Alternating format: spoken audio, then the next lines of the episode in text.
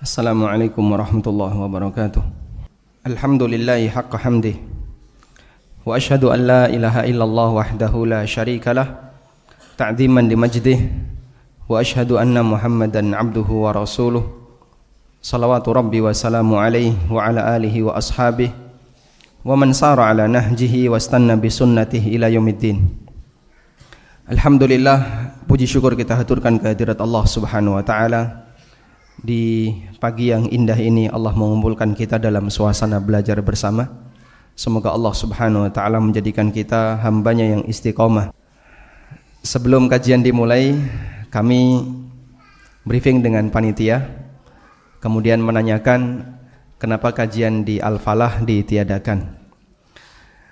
Karena materi di Al-Falah membahas masalah riba, panitia minta kalau begitu materinya dipindah di sini sehingga untuk materi yang diumumkan lima keistimewaan Nabi Sallallahu Alaihi Wasallam diganti dengan tema apa tadi? Sengsara bersama riba. Seingat saya di masjid ini sudah pernah kita bahas tentang masalah riba. Mungkin dua atau ya dua tahun yang lalu ya. Bahkan kita bedah buku dan beberapa jamaah juga sudah memiliki bukunya Insya Allah dengan buku itu sudah cukup untuk mewakili materi yang saya sampaikan. Sudah dibaca belum? Belum? Atau sudah hilang bukunya? Baik, saya akan membahas dari sisi riba dalam akad kontemporer. Insya Allah di kesempatan kali ini kita akan mengupas beberapa transaksi riba dalam akad kontemporer. Akad kontemporer berarti akad yang ada di masa sekarang dan uh, sudah menjadi hal yang ma'ruf di tengah masyarakat di zaman sekarang. Hadirin yang berkan Allah Subhanahu wa taala, muqaddimah sebelum seorang ulama menyampaikan sebuah fatwa terhadap kasus yang sifatnya kontemporer adalah dia harus memahami kasus tersebut upaya untuk memahami kasus itu disebut dengan upaya tasawur. Disebut dengan tasawur. Bagaimana memahami kasus sesuai dengan realita yang ada. Karena itulah ketika seorang ustadz atau ulama ditanya tentang sebuah masalah maka tahap pertama yang akan dia lakukan adalah mencari data terkait masalah yang ditanyakan. Karena itu kalau penanya nggak jujur, dia menyembunyikan sebagian data dalam kasus, bisa jadi fatwanya akan melenceng.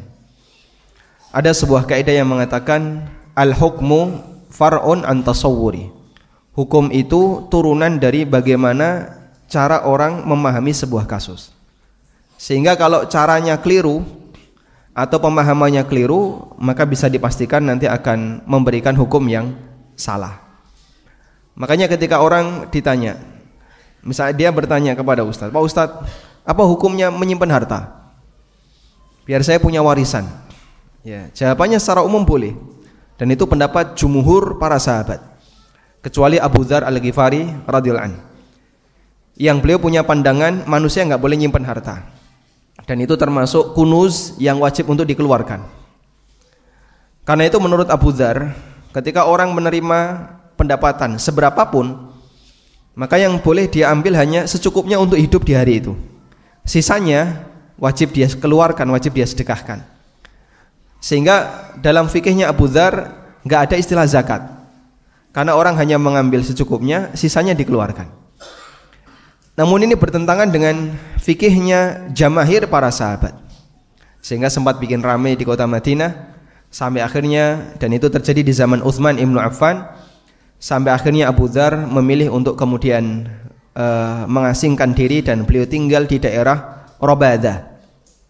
Dan pendapat yang benar memiliki harta hukumnya boleh, nyimpan harta hukumnya boleh. Dalil yang paling kuat dalam masalah ini adalah bolehnya atau Allah Subhanahu wa taala menjelaskan tentang hukum masalah warisan. Dan ada syariat tentang zakat. Sementara zakat itu berlaku untuk tabungan dan bukan berlaku untuk pemasukan. Adanya aturan tentang warisan menunjukkan bahasanya orang itu boleh memiliki harta peninggalan sampai dia mati. Kalau kemudian nggak boleh berarti aturan ini nggak berlaku. Apa manfaatnya aturan itu diturunkan oleh Allah? Kalau ternyata kaum muslimin tidak diizinkan untuk nyimpen harta. Karena berarti setiap orang yang mati pasti dia sudah nggak punya warisan. Adanya aturan warisan menunjukkan orang boleh nyimpen harta. Yang kedua, adanya aturan zakat. Zakat mal itu berlaku untuk apa? Zakat mal itu berlaku untuk pemasukan atau tabungan? Yang benar yang mana?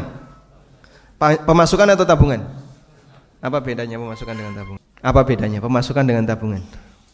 Kalau tabungan sudah pasti pemasukan, kalau pemasukan belum tentu jadi tabungan. Betul kayak gitu ya? ya. Ada orang pemasukannya 5 juta. Tinggal di gedangan. Istrinya 4. Berapa tabungannya? Tekor ya. Baik. Sehingga bagian dari keadilan syariat, ngitung zakat itu bukan berdasarkan pemasukan. Tapi berdasarkan tabungan. Ada sebagian orang yang keliru ketika ngitung zakat. Gajimu berapa? 5 juta. 5 kali 12 berapa? 60 sudah nisab. Keluarkan 2,5 persen. Dia nggak mempertimbangkan tiap bulan kebutuhannya berapa. Sehingga kalau terjadi seperti ini pasti keliru ketika mengeluarkan zakat. Makanya tidak ada istilah zakat bulanan. Sebagaimana pemasukan yang itu diterima bulanan, zakat itu amal yang sifatnya tahunan, bukan bulanan. Dan masing-masing amal dikasih oleh Allah taala waktu yang berbeda-beda. Ada amal yang sifatnya tahunan, ada amal yang seumur hidup sekali, ada yang tahunan, ada yang bulanan, ada yang pekanan, ada yang harian. Contoh yang seumur hidup sekali apa, Pak? Haji kan boleh tiap tahun kalau mampu. Akikah, ya. Akikah ini seumur hidup sekali. Contoh yang lain? Sunat. Berapa kali setahun? Seumur hidup sekali. Amal-amal seperti ini waktunya hanya satu yaitu seumur hidup sekali. Kemudian ada amal yang sifatnya tahunan. Seperti puasa Ramadan, Idul Adha, kurban, sholat Id dan beberapa amal yang lainnya. Termasuk di antaranya adalah zakat. Makanya ketika orang melakukan zakat mal tapi dia bayarkan setiap bulan sekali, ini salah waktu. Ada sebagian orang yang mengeluarkan zakat setiap bulan sekali. Begitu terima gaji, potong dua setengah persen. Terus gaji itu numpuk, numpuk di rekeningnya dalam jumlah yang sangat banyak. Dan dia punya perasaan bagian ini nggak perlu dizakati, karena menurut dia ketika e, menerima itu sudah dikeluarkan zakatnya. Ini adalah pemahaman yang keliru. Anda mengeluarkan zakat dengan cara yang salah, sementara yang numpuk di rekening yang jumlahnya banyak melebihi nisab nggak pernah dizakati. Lo kan saya sudah keluarkan begitu nerima. Cara zakatmu keliru. Yang nggak wajib dizakati di keluaran zakatnya dan itu nggak sah sebagai zakat. Yang seharusnya dizakati malah dibiarkan saja. Padahal itu adalah kewajiban anda yang harus anda keluarkan dua setengah persen. Ini efek samping zakat profesi. Orang berdosa dari sisi dia merasa apa yang sudah dikumpulkan karena ketika nerima sudah dikeluarkan dua setengah persen yang tertampung di rekening atau di tabungan dia itu dibiarkan saja dan saya pernah ketemu orang seperti ini dia ketika menyampaikan pokoknya kita nggak boleh pelit maksud bapak gimana begitu terima nggak usah hitung hitungan langsung keluarkan dua setengah persen terus tabungan bapak ya kan sudah saya keluarkan zakatnya ya itu pelitnya ngomongnya nggak boleh pelit tapi dia malah sendiri Orang yang paling pelit. Karena nggak keluar zakat berarti dia pelit untuk mengeluarkan hartanya. Baik. Kembali ke sini hadirin. Ketika ada orang yang bertanya, bolehkah orang itu mengumpulkan harta? Kalau sampai di titik itu, Ustadz akan menyampaikan, yuk silahkan, orang boleh punya harta, buktinya adalah adanya hukum tentang masalah warisan. Alhamdulillah, berarti deposito di bank hukumnya boleh. Ini yang salah yang mana? Yang salah yang mana? Pertanyaannya tidak terbuka. Sehingga dia simpulkan dengan pertanyaan itu lalu mendapatkan sebuah jawaban. Jawaban itu dipakai untuk legitimasi perbuatan dia yang bermasalah. Dan itu banyak di kalangan masyarakat. Bahkan bisa saja terjadi pada sebagian para dai dan ustadz. Saya sudah tanyakan kepada Syekh, orang ini wajib ditahdir. Pertimbangannya apa? Pokoknya sudah saya tanyakan. Teks pertanyaannya kita tidak pernah ditunjukkan. Lalu jawaban saya pertimbangannya apa kita juga nggak tahu. Tiba-tiba kemudian keluar keputusan seperti ini. Dan itu terjadi karena orang menyembunyikan sebagian data. Makanya bahaya kalau orang bertanya tapi dia nggak jujur. Biasanya ibu-ibu kalau sudah curhat tentang suaminya, kita kan nggak tahu ya, apakah dia jujur atau tidak. Dan saya pernah mendapatkan kasus seperti itu. Ada wanita Jakarta, dia kirim pertanyaan lewat kolom pertanyaan di konsultasi syariat.com. Kemudian saya jawab berdasarkan pertanyaan, masya Allah, semua yang disampaikan di situ berkesimpulan dia boleh gugat cerai. Akhirnya kita sampaikan silahkan anda gugat cerai. Begitu selesai kayak gitu ada Ustadz Jakarta telepon saya. Jawaban kamu apa? Lah gimana? Saya nggak ngerti. Ini wanita ini bohong. Yang dolim itu bukan suaminya, tapi justru istrinya. Nah saya kan nggak tahu. Saya bukan kodi. Maka bedakan antara mufti dengan kodi. Kalau kodi, dia nggak boleh memberikan keputusan sebelum mendengarkan pihak kedua. Kalau mufti, dia nggak berkepentingan dengan pihak kedua. Bapak-bapak curhat tentang ibunya, tentang istrinya. Saya nggak perlu tahu, coba istri bapak bawa ke sini. Seorang ustadz tidak perlu untuk tahu bagaimana penjelasan lawan pihaknya. Karena fatwa itu tidak mengikat. Beda dengan kodi. Kalau kodi hakim menetapkan hukum dan itu mengikat. Makanya kalau Anda bertanya tentang masalah warisan, Ustadz ada kasus seperti ini di keluarga kami, kira-kira pembagian warisannya bagaimana? Ustadz bisa ngasih jawaban berdasarkan informasi yang Anda sampaikan. Meskipun bisa jadi kalau itu dibawa ke keluarga, ada yang nggak terima. Oh enggak kok, ini masih haknya itu, ini masih haknya itu. Ustadz nggak ngerti. Dan bukan kewajiban Ustadz harus mendatangkan mereka. Karena dalam posisi ini, sang mufti, orang yang memberikan fatwa, dia hanya menyampaikan sesuai data yang masuk dan dia tidak berkewajiban untuk mendatangkan pihak yang lain. Beda kalau dalam masalah peradilan. Makanya Daud alaihi salatu wasalam ketika kedatangan dua orang yang saling sengketa. Yang satu orang mengatakan, "Inna hadza akhi lau tis'un wa tis'una na'jah wa liya na'jatun wahidah." Faqala akfilniha wa azzani fil khitab ini teman saya, ini saudara saya, dia punya 99 kambing. Sementara saya cuma punya satu kambing. Lalu dia minta kambing saya yang satu itu biar genap jadi 100 kambing dia. Wa azzani fil khitab dan dia lebih pintar ngomong daripada aku. Lalu apa kata kata Daud? Laqad dzalama bi akhika. Kamu telah mendolimi saudaramu. Tapi ternyata itu ujian dari Allah Ta'ala. Apa yang dilakukan oleh Daud ini salah atau benar? disalahkan oleh Allah. Kenapa? Para ulama mengatakan kesalahan Daud alaihi salatu wasalam yang ketika dia diingatkan oleh malaikat sampai akhirnya beliau sujud sungkur bersujud kepada Allah taala dan ayat itu menjadi ayat sajdah dalam mushaf kita. Sebabnya adalah karena Daud baru mendengar informasi satu pihak sementara pihak yang kedua dia belum bicara sudah diputuskan hukumnya. Makanya kalau dalam perkara sengketa, dalam perkara hukumah memberikan hukum dan dia orang yang berwenang karena dia pejabat pemerintah tidak boleh memutuskan perkara hanya di satu pihak. Hanya setelah mendengarkan satu pihak. Tapi kalau fatwa bukan syarat. Yang penting ketika dia mendapatkan data penanya menyampaikan sesuai dengan yang dia tahu dan dia cerna sesuai yang dia pahami, dia boleh berfatwa. Baik. Selanjutnya kita akan membahas beberapa contoh riba dalam akad kontemporer. Ada beberapa pilihan.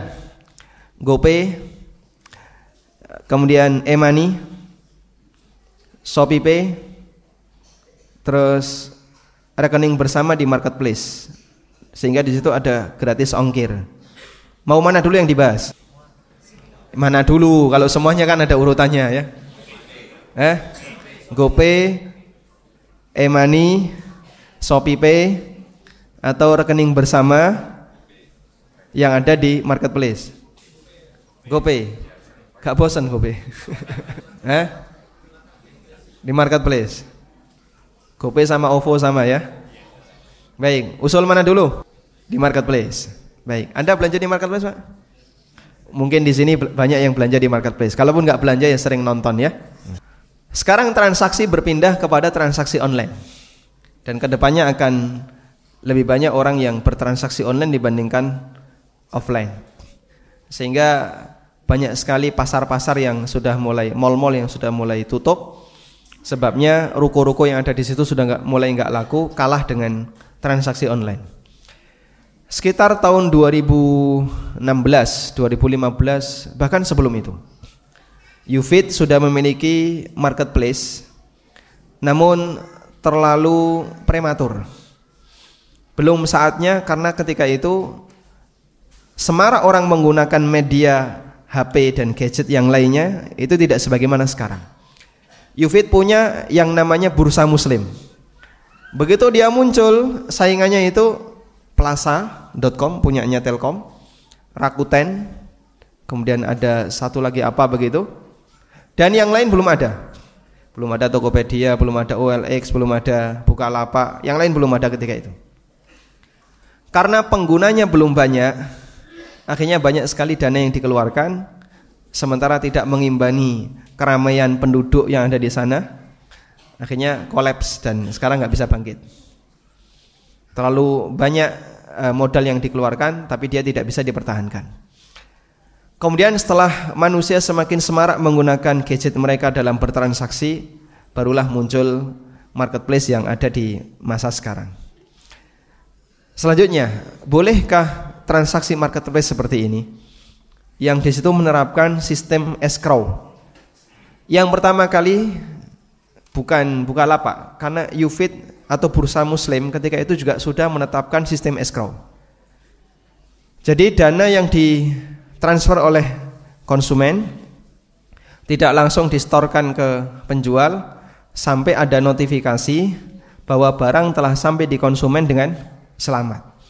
Dan itu sudah dipraktikkan oleh bursa muslim punyanya Yufit sebelum ada marketplace yang lain.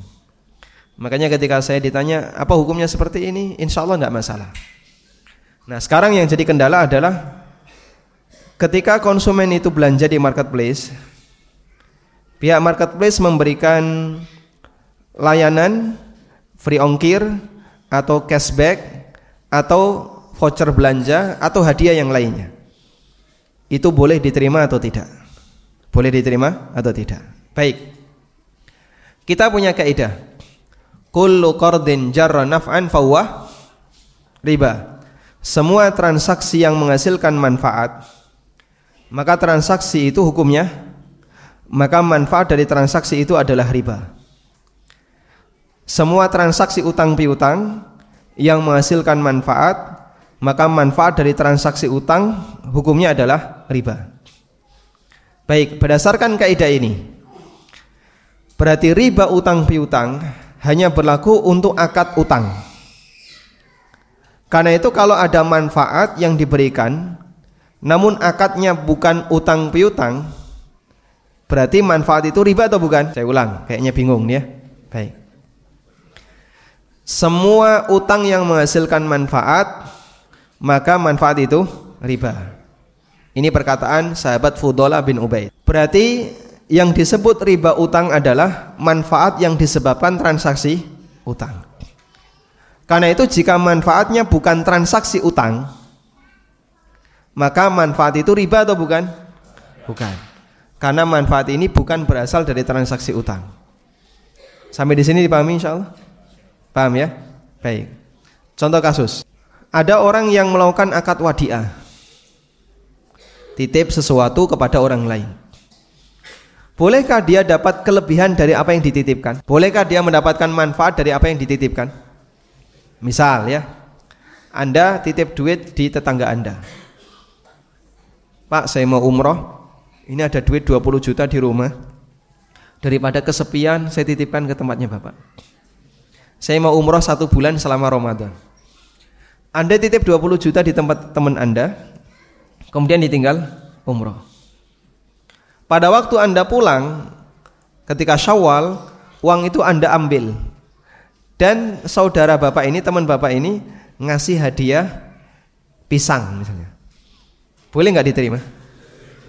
Kenapa? Akadnya bukan utang piutang tapi titip.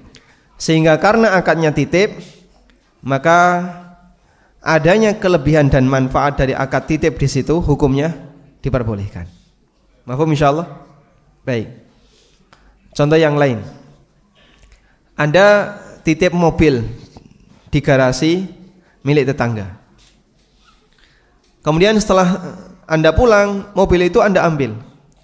Tetangga Anda merasa berterima kasih. Matur suwun nggih Mas. Rumah saya kelihatan makin cakep ketika mobil kamu parkir di sini. Ini sebagai rasa terima kasih dikasih gula sekilo. Boleh nggak diterima? Kenapa? Akadnya titik. Baik. Berarti kalau manfaat itu didapatkan bukan karena akad utang piutang, maka manfaat itu bukan termasuk riba. Mahfum insyaallah. Contoh yang lain. Saya pinjam motor dari tempatnya Pak. Pak, saya pinjam motor ada urusan sehari. Bapak mengizinkan, tapi lihat itu tangkinya kosong. Yaudah tidak apa-apa, nanti saya isi dulu. Baik, silakan pakai syaratnya satu. Nanti kalau balik tangki wajib penuh.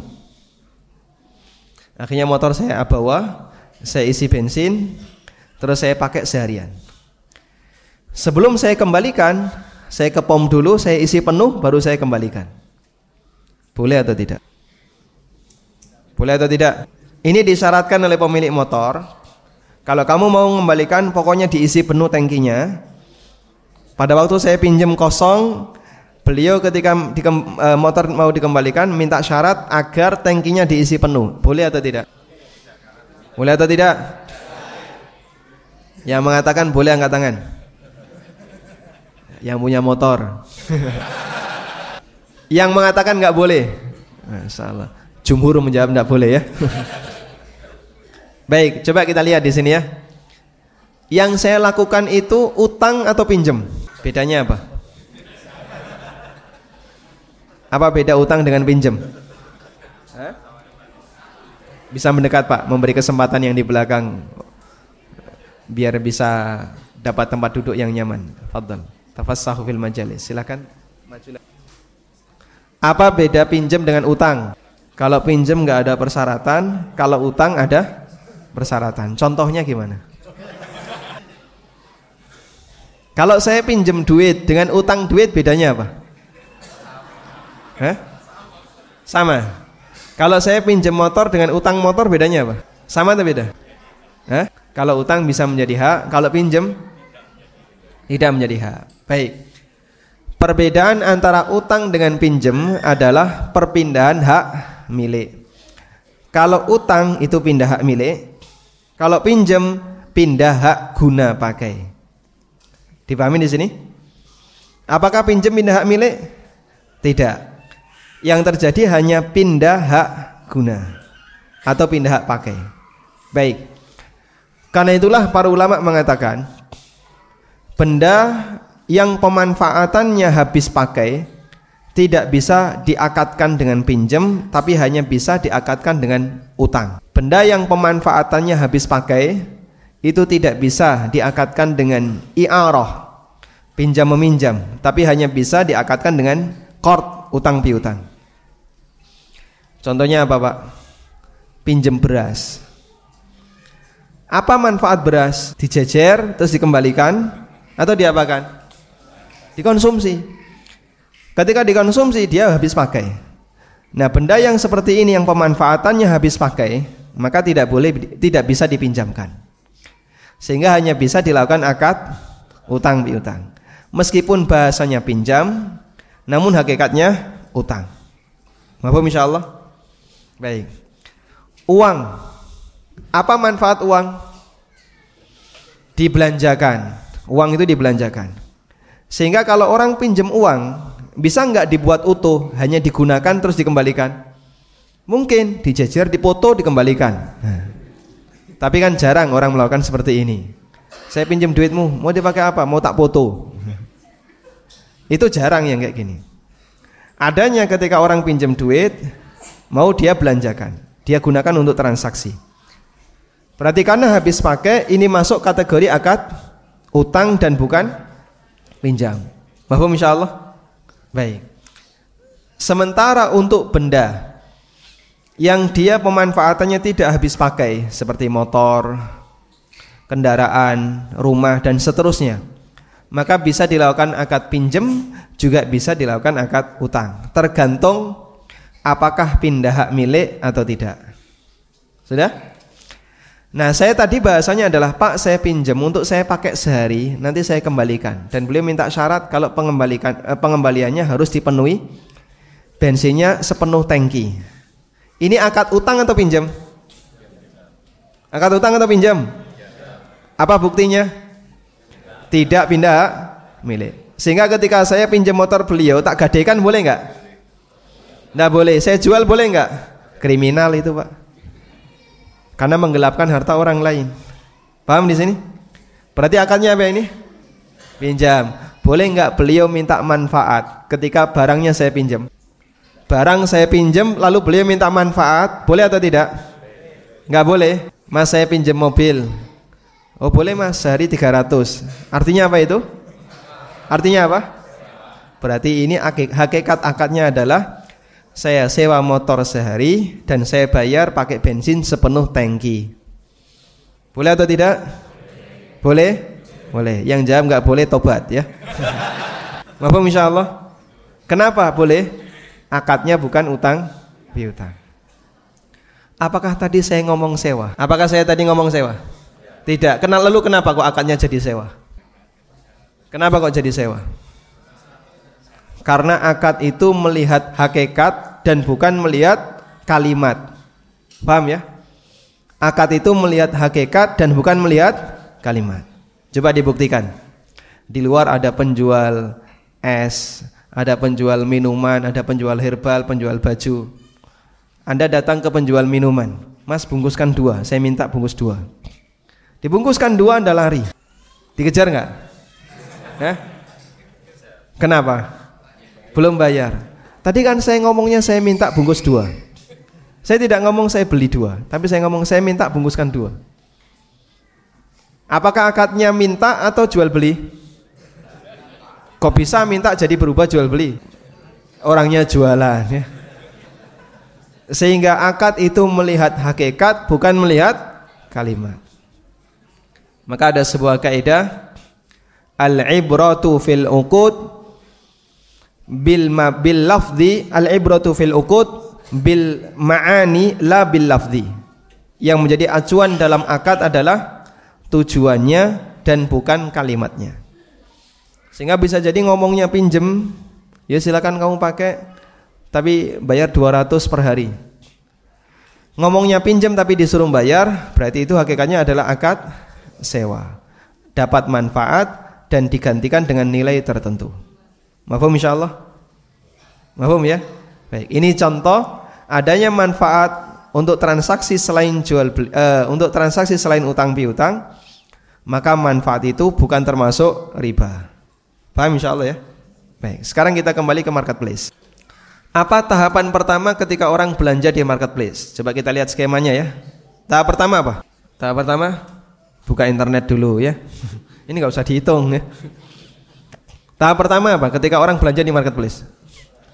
Hah? Ma? Mia, milih barang. Dia milih barang. Setelah milih barang ditaruh mana? Ditaruh di keranjang belanja. Selanjutnya diapain? Nyari barang yang lain, taruh di keranjang ya. Nyari yang lain, taruh di keranjang gitu ya. Kita kan hobi cuma naruh di keranjang, naruh di keranjang. Ketemu barang yang menarik, taruh di keranjang. Betul begitu? Meskipun belum tentu beli. Yang penting pokoknya ketemu barang menarik, taruh di keranjang. Baik. Kemudian setelah ditaruh di keranjang diapain, Mbak? Hah? Check out. Bayar ya lalu Anda transfer. Setelah transfer, barang dikirim dari pihak supplier, lalu barang tiba di tempat Anda.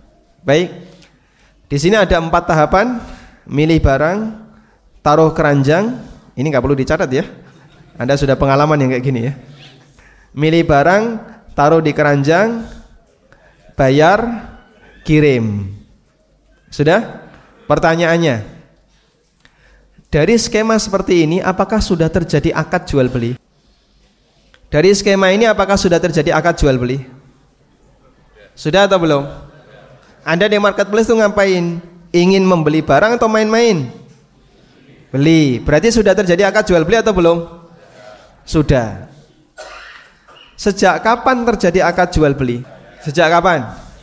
Sejak milih, sejak dimasukkan keranjang, sejak membayar atau sejak barang dikirim? Sejak baik, sejak pembayaran. Kita punya kaidah. Setiap akad ada konsekuensi akad. Begitu ya? Jika ada akad sementara tidak berlaku konsekuensi akad, maka akad itu dianggap batal. Sehingga ketika orang melakukan transaksi atau akad apa pun, tapi tidak diberlakukan konsekuensinya, maka akad itu dianggap tidak berlaku. Contohnya apa, Pak? Misalnya, ada orang menawarkan diri. Saya mau nikah dengan kamu, tapi dengan syarat selesai nikah kita pisah selama-lamanya, nggak usah dinafkahi, nggak usah ketemu sampai mati. Iki ngopo rabi kok iki? Sah nggak akadnya? Kenapa? konsekuensinya nggak jalan. Sehingga ketika di situ tidak ada konsekuensi apa pun, maka akad itu dianggap tidak ada. Saya mau jual rumah ini kepada Bapak, tapi saya boleh memilikinya sampai mati. Boleh nggak kayak gini? Nggak boleh, kenapa? Tidak terjadi perpindahan hak milik dalam waktu yang nggak jelas. Lah kamu matinya kapan? Kan batasnya sampai mati ya. Sudah punya rencana mati kapan? Biar tak nanti tak titeni tanggalnya. Karena tidak bisa ditentukan, maka transaksi seperti ini hukumnya dilarang. Paham ya? Baik, sekarang apa konsekuensi akad jual beli? Apa konsekuensi akad jual beli? Sudah pernah jual beli belum? Sudah berkali-kali sejak usia SD. Sekarang ditanya apa konsekuensi akad jual beli? Perpindahan hak milik. Sehingga kalau Anda beli sebuah minuman lalu Anda membayar, maka minuman itu milik siapa? Milik pembeli dan uang itu milik penjual. Boleh nggak diminta lagi? Boleh nggak diminta lagi? Ya enggak boleh itu sudah pindah hak milik kecuali kalau dikasihkan atas kerelaan pihak yang kedua. Paham di sini insyaallah? Alhamdulillah. Baik. Kalau Anda beli minuman, misalnya seharga 3000. Minuman yang Anda terima ini disebut muawad. Uang yang Anda storkan disebut iwad. Kalau Anda beli minuman atau beli barang harga 5000. Barang yang Anda terima namanya muawad. Uang yang Anda serahkan namanya iwad. Tulisannya gimana, Pak? Muawad mim ain wawu dod saudaranya sod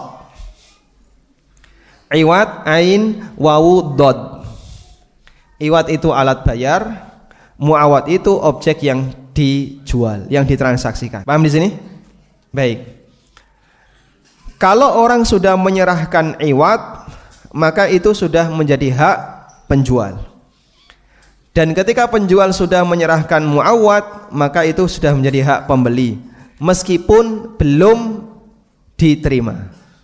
Paham?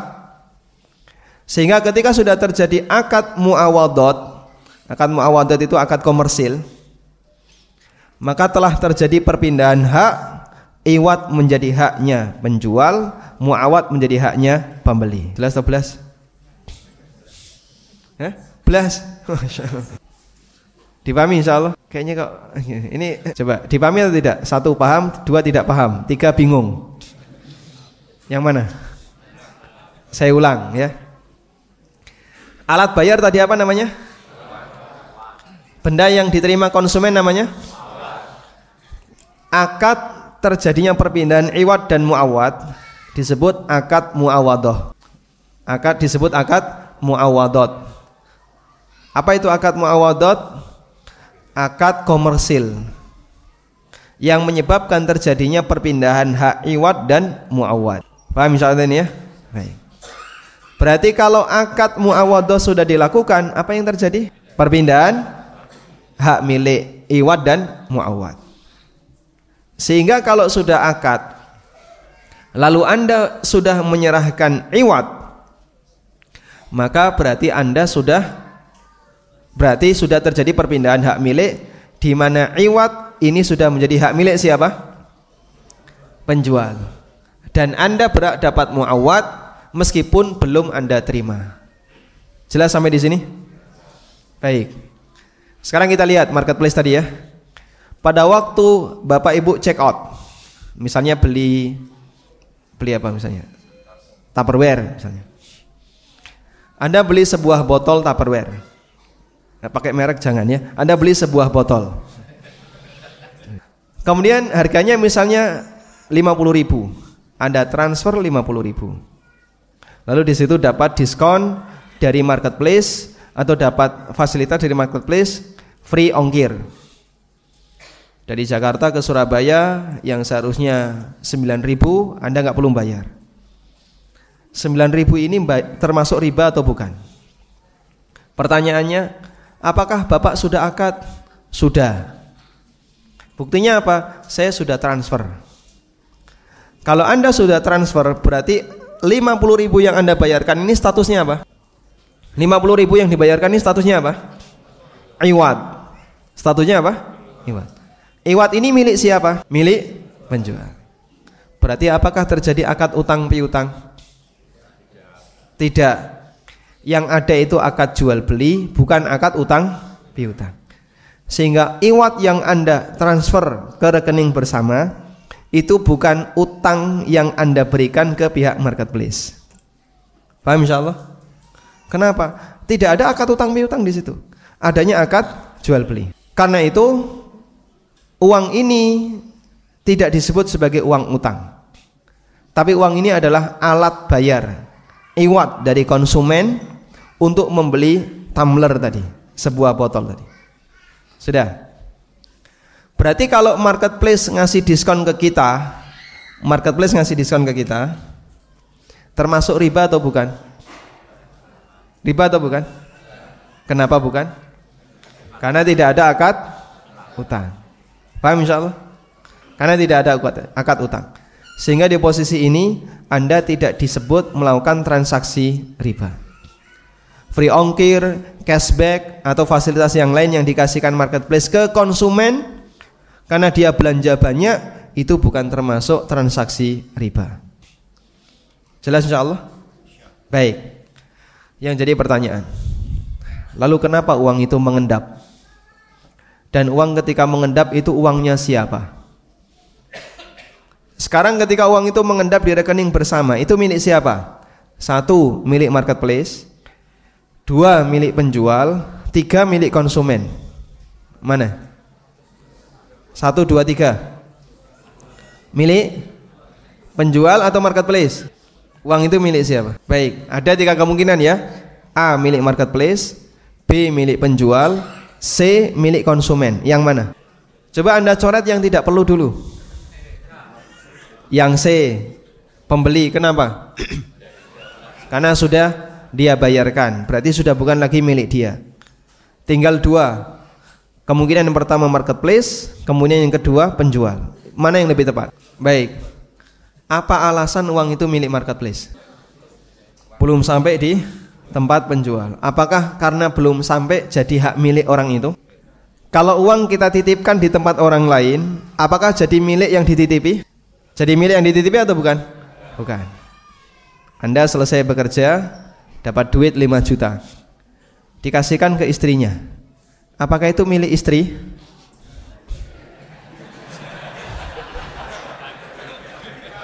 Ketika suami ngasih uang ke istrinya sekian, apakah uang itu milik istri? Oh.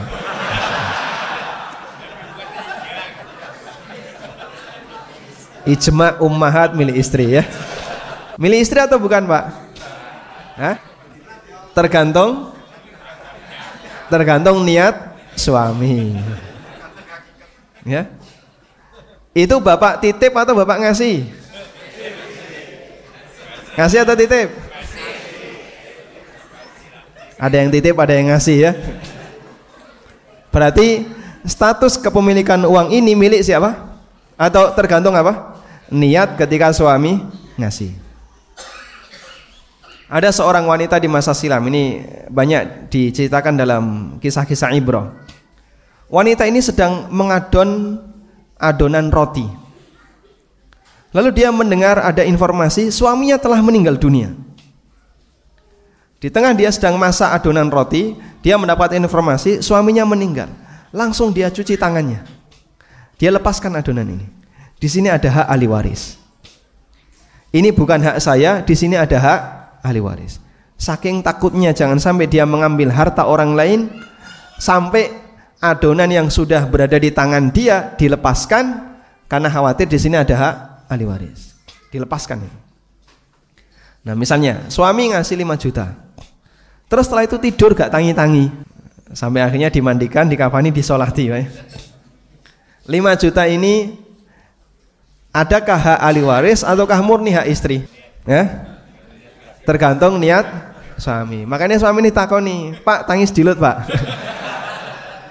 Iki duit apa? Titip ataukah dikasih? Kalau itu dikasih, maka itu jadi milik istri. Kalau cuma titip, berarti itu bukan milik istri. Maka di sini, apa alasan sehingga marketplace itu memiliki uang tadi? Apakah marketplace ini wakil dari penjual? Marketplace itu wakil dari penjual atau bukan? Bukan. Yang dohir bukan. Makanya tidak ada akad wakalah di situ.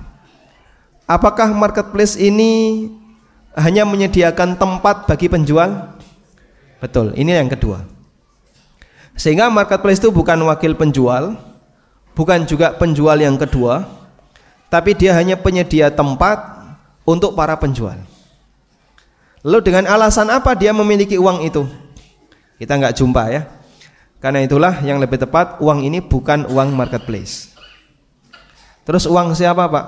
Uang itu adalah uang penjual. Kenapa kok ditahan?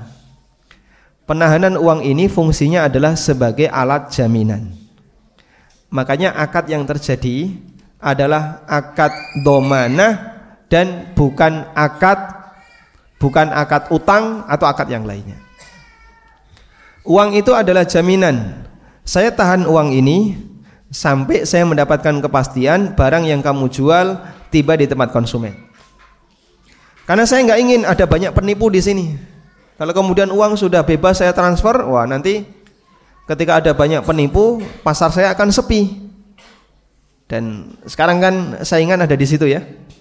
Ada sebagian marketplace yang penipunya banyak. Akhirnya mulai ditinggalkan oleh para customer. Ada marketplace yang dia berusaha untuk bertahan. Dan itu kuat-kuatan di sistem uh, platform atau mesin yang mereka buat. Ada sebagian mesin yang bisa di, gampang dihack, gampang dibajak, sehingga para penjual penipu itu begitu sudah transaksi uang ditransfer mengendap di mana? Rekening bersama. Dia bisa ngehack kode apa begitu ketika dimasukkan sudah ada notifikasi barang sampai. Padahal barang belum dikirim. Akhirnya uang masuk ke rekening. Dan karena penjual-penjual fiktif yang pembohong kayak gini penipu kayak gini akhirnya marketplace ini sering ditinggalkan oleh customer. Nah itu kuat-kuatan di uh, softwarenya di mesinnya. Semakin bagus nggak bisa dibajak semakin bisa untuk dipercaya sama orang. Baik. Sehingga di sini yang terjadi adalah akad domana di mana uang itu dijadikan sebagai jaminan. Dan tidak akan diserahkan sampai uh, marketplace mendapatkan kepastian kalau barang tiba di tempat konsumen. Dan akad ini hukumnya diperbolehkan selama tidak bayar, selama gratis.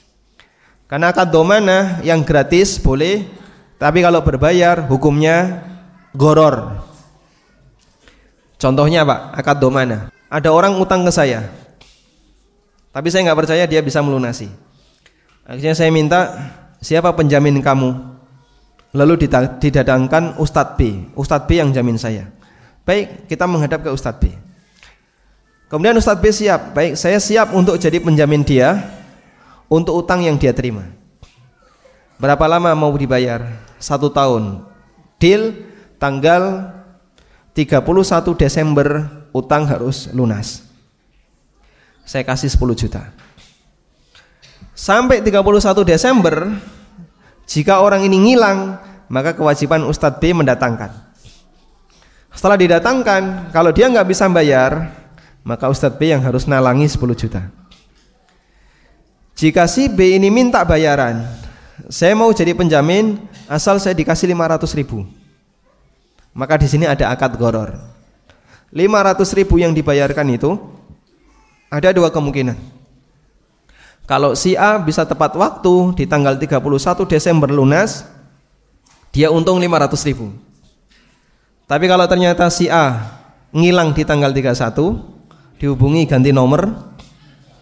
Ketika didatangi masjidnya, dia sudah pindah masjid.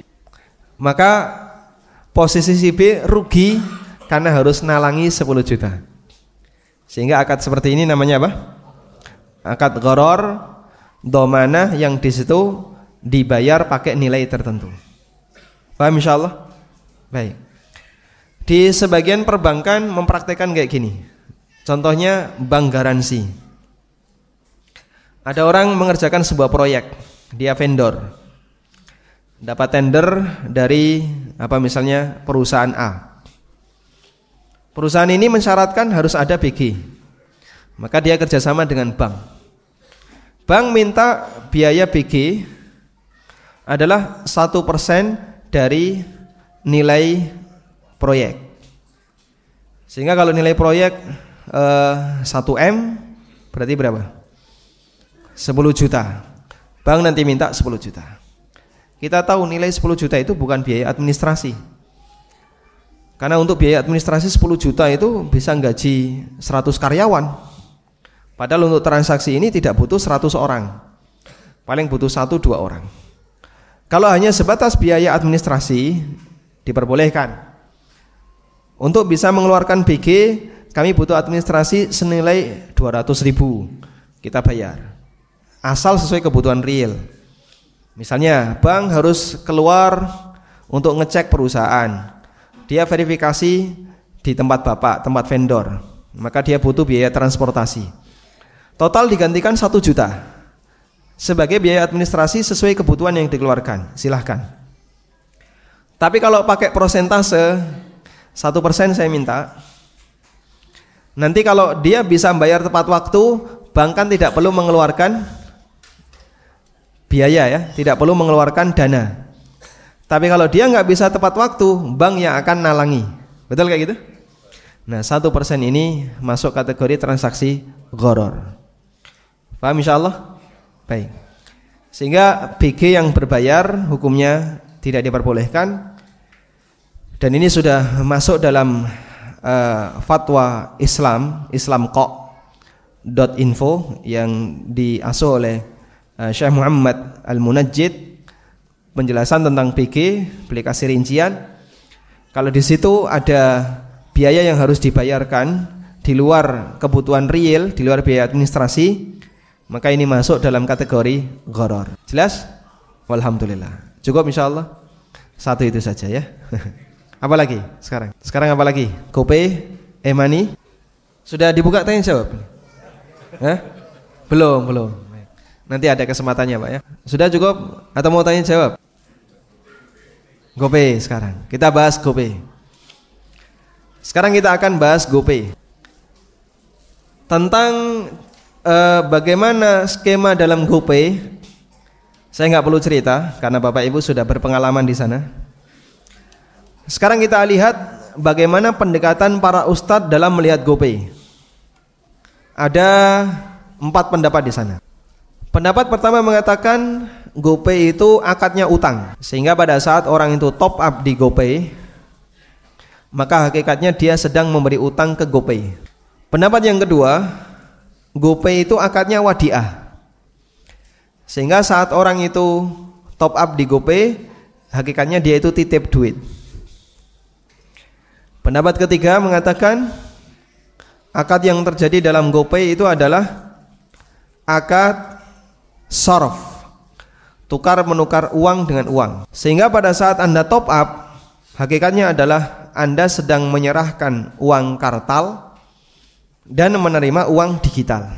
Pendapat yang keempat, akad yang terjadi dalam GoPay adalah ijarah mausuf fi dhimmah ijarah mausuf fi dhimmah.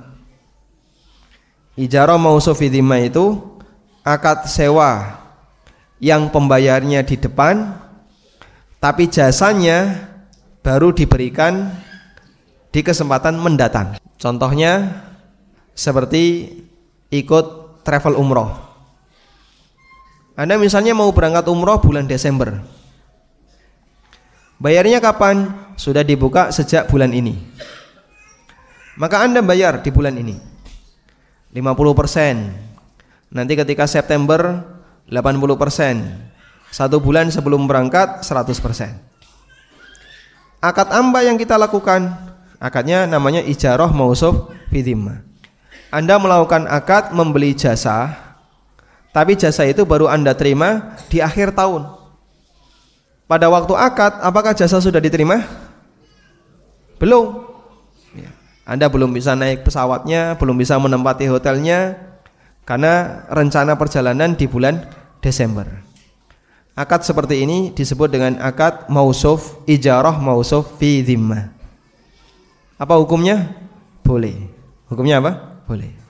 Baik. Namun syarat ijarah mausuf fi dhimmah Syarat dalam ijarah mausuf fi dhimmah, objek yang disewakan harus jelas. Jika objek yang disewakan belum jelas, maka ijarah di sini hukumnya dilarang. Contohnya Pak yang belum jelas ada sebuah agen travel membuka layanan travel umroh. Biaya 22 juta. Ketika Bapak daftar, pihak travel belum bisa menjelaskan. Nanti kira-kira berangkatnya tanggal berapa? Wallahu alam Pak, nggak jelas. Pesawatnya wallahu alam. Hotelnya wallahu alam. Kita nanti jadi umroh nggak? Wallahu alam. semua yang nggak jelas seperti ini menyebabkan rasanya jadi batal. Karena akad jasanya nggak jelas. Paham insya Allah? Karena itulah untuk pendekatan yang keempat, gope dipahami sebagai ijarah mausufi pendapat yang paling lemah. Sehingga kita bisa akan nyatakan coret pendapat ini, ini pendapat lemah. Alasannya pada saat Anda top up GoPay Apakah sudah milih layanan apa yang mau dipakai? Belum. Anda top up 100 ribu. Di Gojek itu kan disediakan banyak layanan ya. Ada GoRide, GoCar, GoSend, GoFood, GoClean, Go dan GoGo yang lainnya. Nah. Waktu Anda top up, Anda sudah punya rencana belum? sudah punya rencana mau memilih salah satu, tapi nggak jelas. Cuman nggak jelas. Berarti di situ belum terjadi akad ijarah mausufi dhimma. Karena akad ijarah mausufi dhimma itu syaratnya pada waktu dia bayar dia sudah akad bukan sebatas rencana dan objek akad sewanya sudah jelas. Mahfum insyaallah ya. Karena itu pendapat ini gagal. Yang tersisa tinggal pendapat tiga atasnya. Antara sorf, wadiah, ataukah akad utang. Apa perbedaan antara sorf dengan wadiah? Perbedaannya adalah utang dan wadiah itu mirip. Sorf ini yang lebih beda. Utang dan wadiah itu akad satu arah. Utang dan wadiah itu akad satu arah. Sehingga akadnya hanya penyerahan saja, tidak ada terima. Maka dalam akad utang dan akad wadiah tidak ada istilah serah terima, adanya penyerahan, seserahan tapi tidak ada penerimaan. Paham ya? Baik. Sehingga misalnya begini, Pak saya utang 10 juta. Bapak ngasih saya 10 juta. Saya ngasih apa? Enggak ada. Karena akadnya se searah. Seperti hibah, sedekah, zakat itu akad searah. Nah, akad yang sifatnya searah seperti ini tidak ada apa pun yang diterima. Dia akad satu arah. Beda dengan sorof. Sorof itu contohnya apa, Pak? Anda nuker rupiah ke dolar. Pada waktu Anda serahkan rupiah, Anda dikasih apa? Dolar. Berarti ada yang diserahkan, ada yang diterima. Akad ini namanya akad. Kalau bentuknya uang namanya sorof, kalau bentuknya barang HP dengan HP atau motor dengan motor yang kita sebut dengan barter namanya baik mukoyado. Kalau bentuknya barang namanya mukoyado, kalau bentuknya uang, emas, perak namanya apa? Sorof. Paham ini? Dong atau belum? Eh? Paham insya Allah ya? Ini terlalu banyak materi yang diterima. Yang nggak kuat sudah mulai ngantuk misalnya. Keberatan materi ya. Baik pelan-pelan ya. Pokoknya yang penting bapak paham di sini, entah keluar masjid lupa nggak apa-apa ya. Nggak ada ujian. Yang penting pokoknya di sini paham. Baik. Apa perbedaan antara sorof dengan wadiah? Kalau sorof itu dua arah, ada yang diserahkan, ada yang diterima. Kalau wadiah satu arah, hanya ada yang diserahkan, tidak ada yang diterima. Paham ya? Baik. Nah sekarang kalau kita lihat pada waktu kita top up 100 ribu kan muncul saldo di GoPay 100 ribu.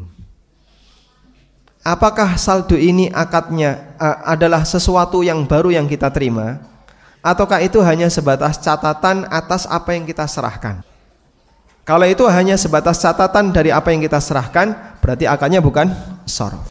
Sehingga karena akadnya bukan sorf, maka tidak berlaku transaksi sorf di sana. Baik. Karena itu pendapat yang ketiga ini Anda bisa kasih catatan pendapat ini lemah karena angka yang tertera di saldo GoPay itu sifatnya hanya catatan uang yang diserahkan dan bukan uang baru yang diterima. Paham insyaallah? Baik. Nah, tinggal yang tersisa adalah dua ini. Kalau nggak utang wadiah. Pertanyaannya sekarang, apa beda utang dengan wadiah? Apa bedanya utang dengan wadiah? Titip sama utang itu bedanya apa Pak? Bedanya apa? Terjadi perpindahan hak milik. Sehingga yang jadi catatan adalah apakah uang ini pindah hak milik atau tidak pindah hak milik? Kalau pindah hak milik namanya utang, kalau tidak pindah hak milik namanya wadiah. Paham di sini? Baik. Contohnya gimana sih Pak? Bapak ketika nabung di bank, Anda datang ke bank, lalu Anda buat rekening di bank konven, kemudian memasukkan uang 100 juta. Apakah uang 100 juta ini menjadi hak milik bank? Coba lihat. Apakah bank ketika mau menggunakan uang ini harus izin kepada kita, nasabah? Tidak. Regulasi mengatakan dana nasabah yang dimasukkan ke bank itu menjadi properti bank. Karena dia jadi properti bank, begitu uang masuk oleh bank dipakai untuk beli mobil baru, itu terserah bank. Dia tidak dianggap melanggar. Beda kalau ada orang misalnya, dia mengumpulkan dana dari masyarakat, diblas di media sosial, di broadcast, diumumkan. Silakan tampung dana Anda di tempat kami. Lalu dana itu Anda pakai untuk bangun rumah, langsung tangkap OJK. Karena di sini ada crowdfunding penarikan dana dari masyarakat tapi untuk kepentingan pribadi. Lalu kenapa kalau bank tidak? Bank mengumpulkan dana dari nasabah, kemudian dipakai untuk bangun kantor baru. Itu nggak pernah ada Pak kecekal OJK, bahkan dilindungi oleh OJK. Karena dalam aturan perbankan di negara kita, dana yang diterima oleh bank itu menjadi properti bank. Dan itulah yang mendasari kenapa akad dalam transaksi nabung itu adalah akad utang dan bukan wadiah. Meskipun bank syariah nyebutnya wadiah. Tapi itu akad utang. Karena itu ketika Anda nabung di bank syariah atau bank mana pun otomatis begitu Anda serahkan uang maka uang itu menjadi propertinya bank dan itu akadnya berarti utang piutang. Mahfum insyaallah. Baik. Nah, sekarang di GoPay itu apakah itu menjadi miliknya GoPay atau bukan milik GoPay? Berbeda-beda antara satu regulasi dengan regulasi yang lain. Terjadilah perbedaan pendapat di kalangan para asatidah. Sebagian ustadz mengatakan akadnya adalah wadiah. Dan ini pendapatnya Al Ustadz Abdul Hakim Abdad, pendapatnya Ustadz uh, Zulkarnain. Makanya mereka mengatakan diskon di situ nggak masalah, bukan riba. Karena akadnya akad wadiah. Paham di sini ya? Dan tadi sudah kita bahas di awal, jika akad wadiah lalu menghasilkan keuntungan, maka keuntungan itu bukan termasuk riba. Pendapat yang kedua, akad yang ada di situ adalah akad utang piutang. Karena itu ketika kita dapat diskon disebabkan karena penggunaan GoPay, maka hakikatnya kita mendapatkan manfaat karena akad utang dan itu masuk riba. Perbedaan ini terjadi karena perbedaan dalam melihat regulasi. Menurut Ustadz A, beliau melihat regulasinya kayak gini, oh ini akadnya wadiah. Menurut Ustadz B, beliau melihat oh regulasinya kayak gini, ini akad utang. Terjadilah perbedaan fatwa. Dan mohon bagi para talibul ilmi untuk menyadari masing-masing dihasilkan dari ijtihad. Maka kita saling menghormati, tidak perlu mencela ya. Kemudian ke, apa menyudutkan salah satu. Membahas secara ilmiah silahkan tapi tidak perlu saling menyudutkan. Karena di sini porsinya hanya porsi pembahasan ilmiah dan ini masuk dalam ranah ijtihad. Paham insyaallah walhamdulillah sehingga kalau diputuskan apakah di pagi hari ini diskon GoPay itu halal ataukah haram itu riba atau bukan saya tidak bisa memutuskan saya tidak memberikan fatwa apa pun. Anda silahkan cari regulasi tentang GoPay dan OVO. Lalu lihat di situ, ada enggak pernyataan yang menunjukkan kalau itu pindah hak milik? Kalau ada, berarti masuk akad utang. Kalau enggak ada, berarti masuk akad wadiah. Paham insya Allah? Baik, jadi tugas ya. PR ya. Baik, cari regulasi tentang GoPay dan OVO. Kemudian ambil kesimpulan apakah di situ pindah hak milik atau tidak. Wallahu taala alam. Tayyib, demikian yang bisa kita sampaikan sebagai mukaddimah waktu kita selesai jam 8. Cukup? Ada setengah jam ya? Setengah jam sampai jam setengah sembilan insya Allah kita gunakan untuk mendengarkan masukan dari para jamaah. Wassallallahu ala nabiyyina Muhammadin wa ala alihi wa sahbihi wa sallam wa akhiru da'wana alhamdulillahi rabbil alamin.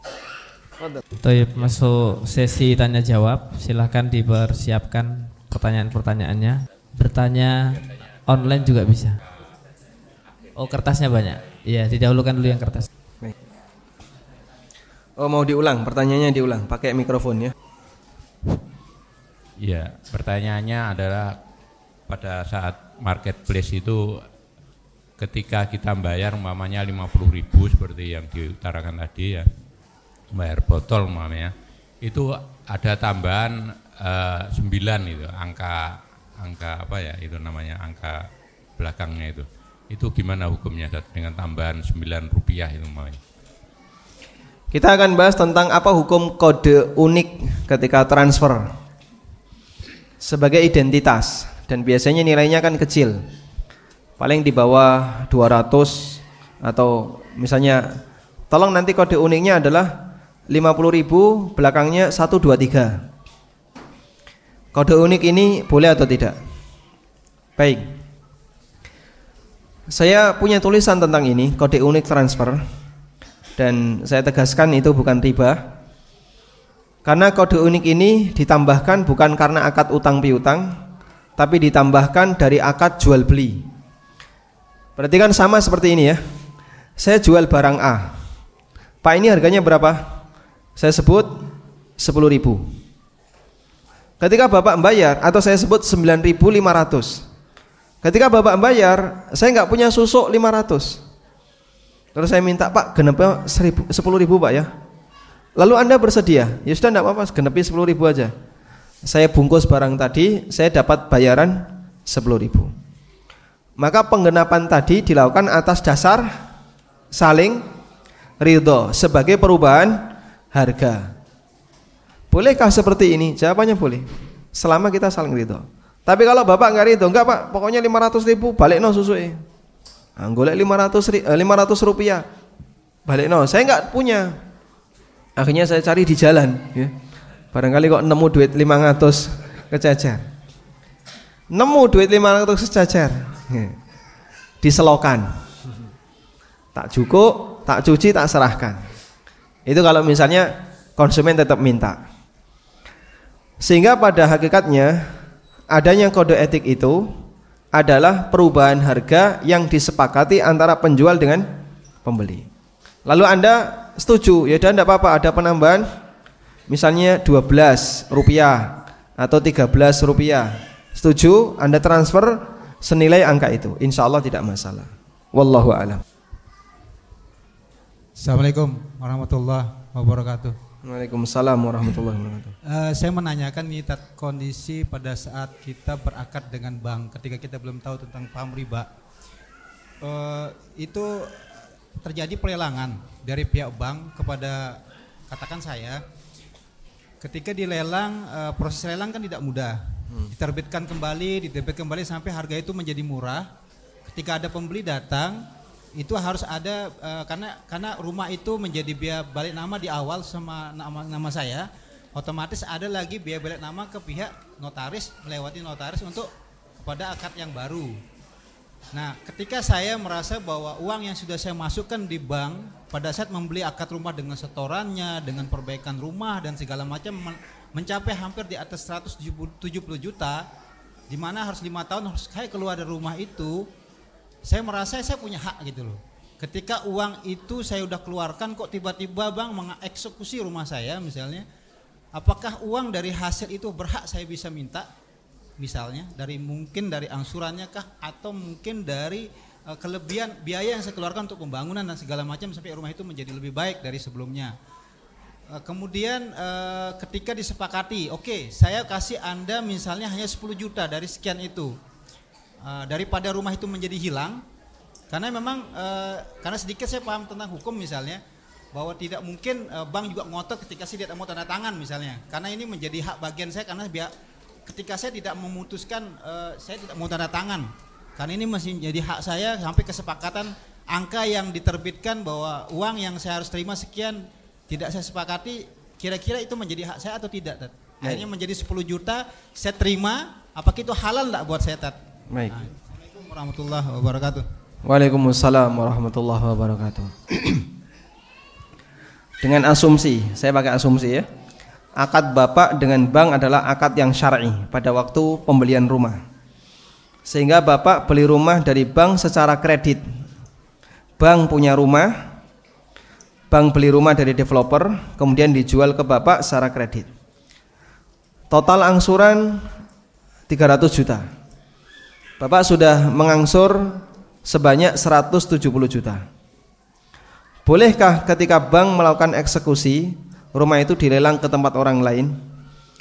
Jawabannya secara syar'i, rumah itu sudah 100% jadi hak milik Bapak. Sehingga sebenarnya siapa yang paling berhak menjual rumah itu? Jawabannya adalah konsumen, pemilik. Bukan bank. Kecuali kalau Bapak tidak bersedia menjual sementara Bapak belum bisa melunasi.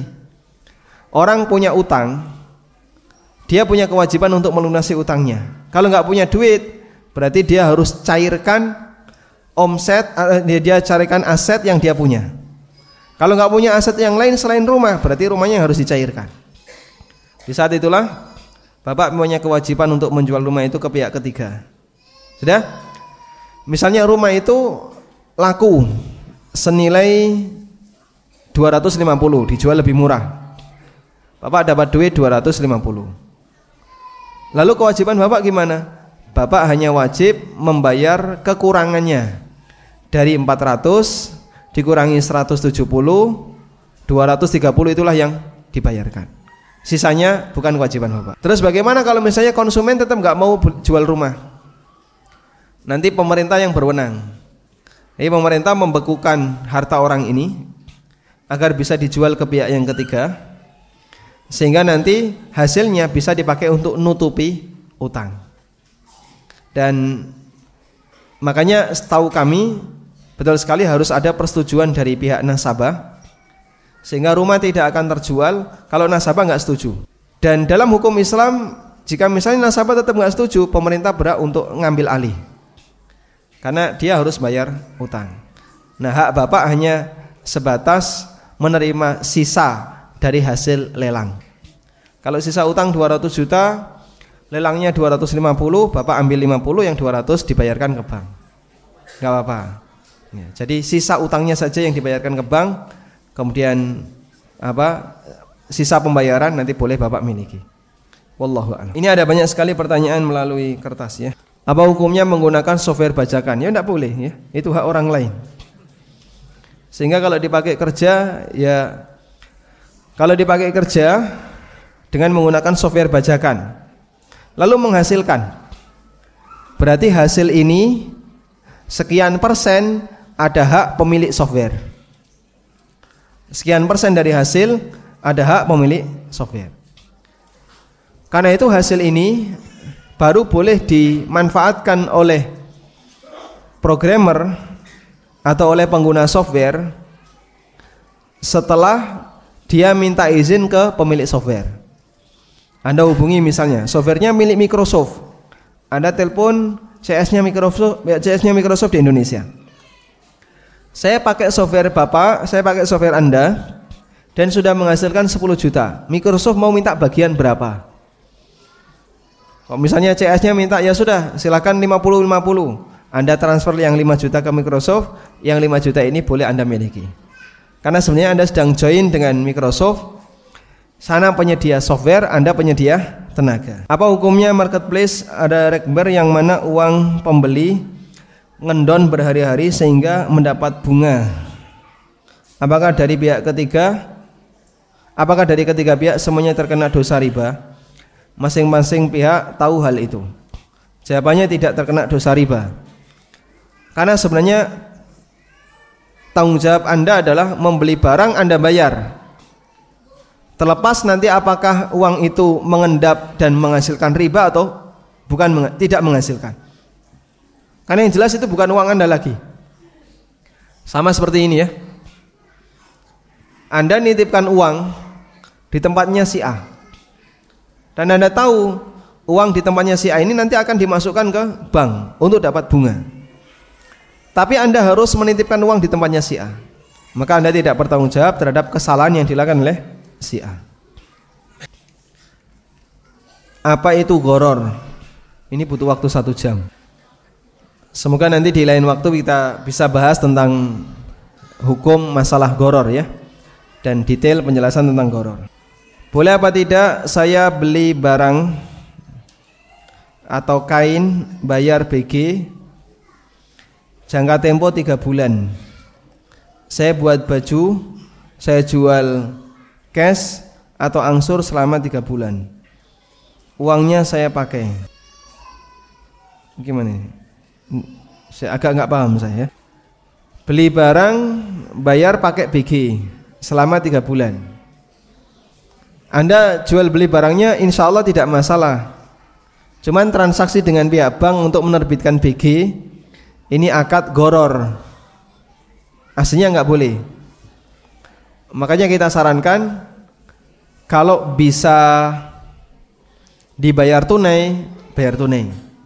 Kalau tidak anda bisa kumpulkan modal dari kawan-kawan untuk beli secara tunai. Kemudian ketika Anda jual baju, Anda jual cash atau angsur selama tiga bulan, uangnya dipakai, insya Allah tidak masalah karena uang itu adalah alat bayar yang sudah menjadi hak milik Anda sebagai penjual. Apakah produk MLM halal kalau dijual tanpa sistem MLM atau dijual langsung seperti barang di toko?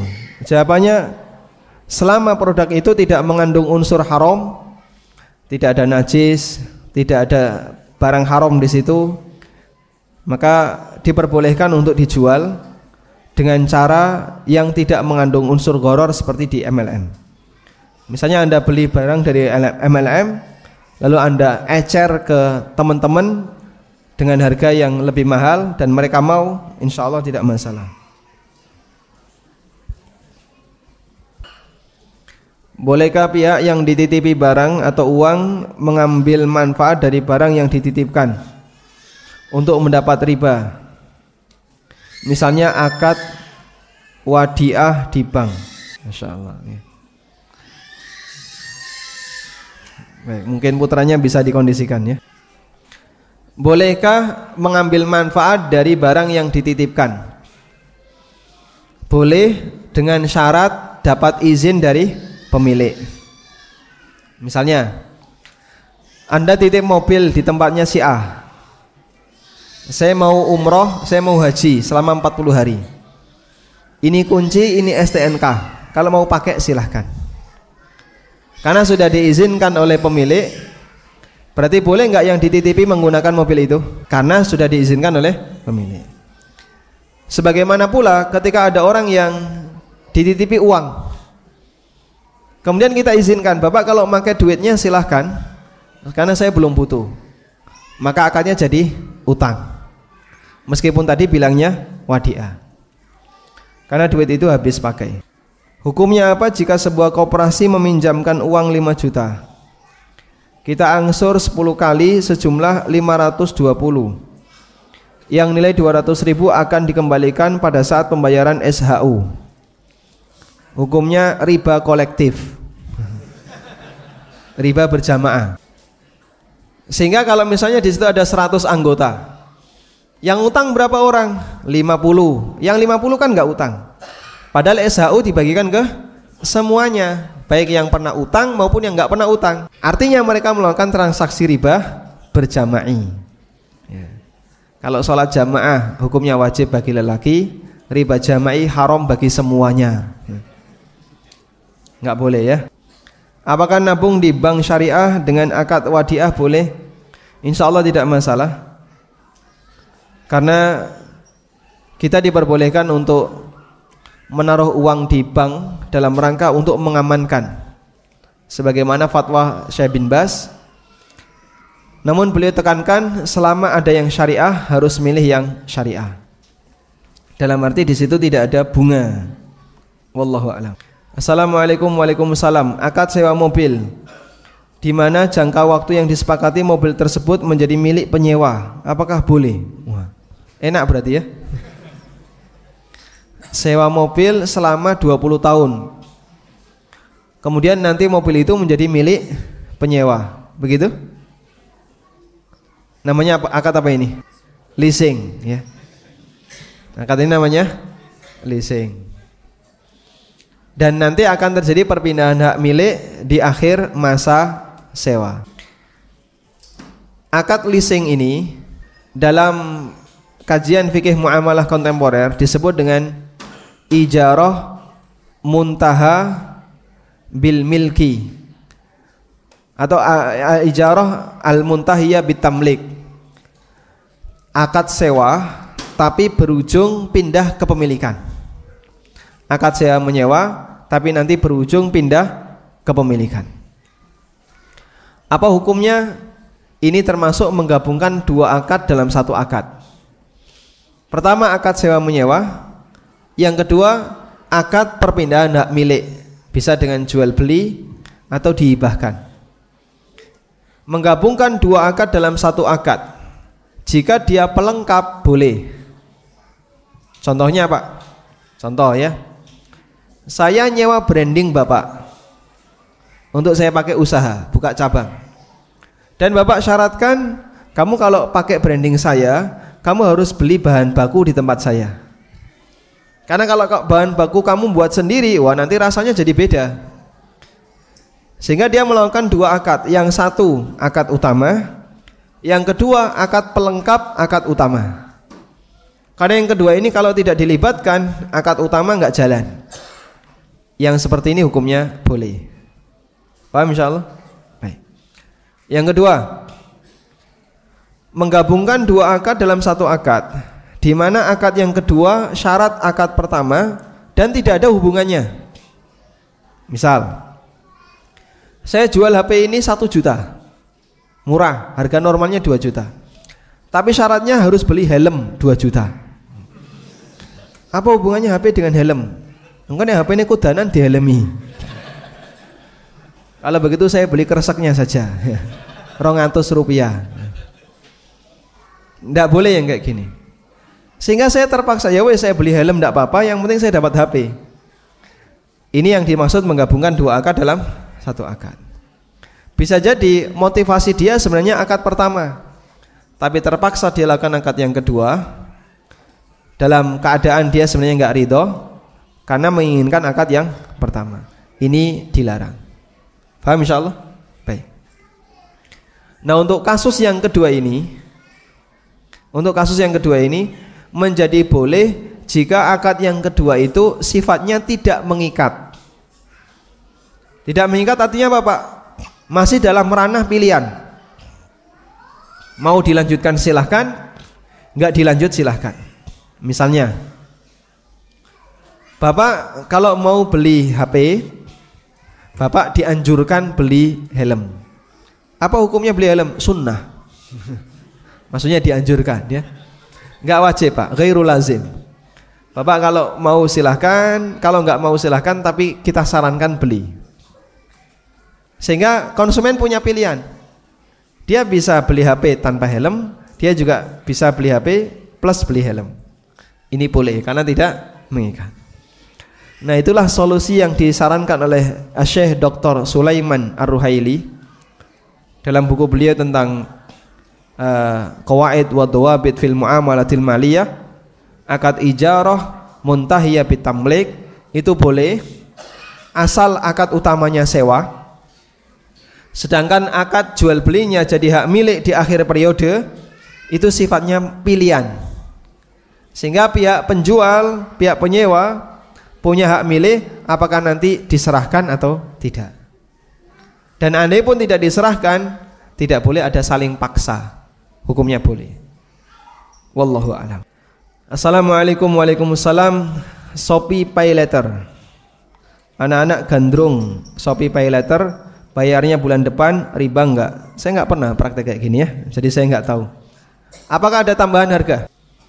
Misal harga panci 100 ribu.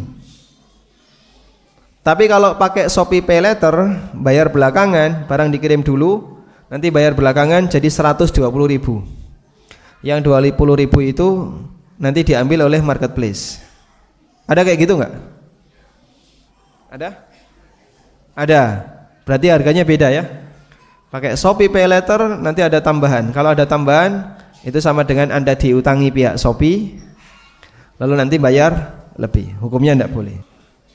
Ada yang menawarkan satu paket barang. 800 gram kurma sukari. Seharga 275 eh, satu botol madu kopi. Satu botol madu teh. Oh bundling ya. Dia jual dengan cara dibundling Semuanya harganya 275.000 dibayar tanggal 10 Maret barang diterima 4 April. Boleh atau tidak? Tidak masalah. Karena akad dengan serah terima boleh dipisahkan.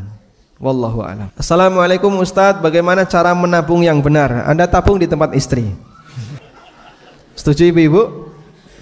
Oh, enggak setuju ya sudah, berarti alihkan ke bank ya. Baik silakan ditabung di tempat yang tidak menghasilkan tambahan. Dan kalau Anda punya proyeksi ke depan, saya berharap nanti duit saya tidak kurang nilainya disebabkan karena inflasi. Maka Anda bisa investasi dalam bentuk emas. Kenaikan emas tidak lebih signifikan dibandingkan tanah. Anda bisa wujudkan dalam bentuk lahan. Ada ibu-ibu uh, yang ditinggal mati suaminya dan warisannya cukup banyak, bingung dia. Karena selama ini semua aktivitas belanja rumah tangga itu suami yang ngurus. Bahkan sampai masalah listrik itu suami. Sehingga dia nggak ngerti sama sekali.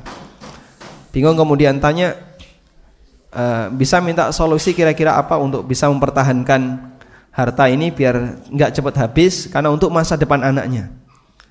Saya sarankan bagaimana kalau pakai akad mudoroba. Anda tanam modal ke beberapa orang yang mengembangkan usaha. Gak berani. Karena mudoroba ketika rugi harus nanggung resiko. Akhirnya kita kasih pilihan. Kalau nilainya kecil, Anda pakai emas. Kalau nilainya besar, silahkan beli tanah. Insya Allah uang itu akan lebih terjaga sehingga ketika sudah saatnya anak bisa membawa harta hasil warisan ayahnya maka bisa dicairkan. Wallahu alam. Ini banyak sekali pertanyaan tapi waktunya terbatas ya. Cukup? Terakhir ini. Apa hukum deposito di bank syariah? Apa solusinya jika ada perus uang perusahaan yang banyak di bank syariah? Untuk deposito di bank syariah, mereka menyebutnya akad mudoroba. Namun real yang terjadi kelihatannya masih jauh dari akad mudoroba. Karena uang ini dijamin LPS, lembaga penjamin simpanan, sehingga kalaupun terjadi resiko, uang itu tetap utuh dan tidak akan hilang, tidak akan berkurang. Karena itu untuk disebut mudorobah belum memenuhi syarat. Sehingga saya sarankan Anda alihkan ke rekening wadiah yang tidak ada penambahan. Bahkan pihak bank syariah menetapkan juga tidak ada pengurangan. Insya Allah itu lebih aman kalaupun Anda punya atau perusahaan punya dana yang cukup besar. Wallahu taala alam, demikian yang bisa kita sampaikan, semoga jadi kajian yang bermanfaat. Terima kasih atas kesempatan yang diberikan. Allahumma anfa'na bima 'allamtana wa 'allimna ma yanfa'una warzuqna ilma.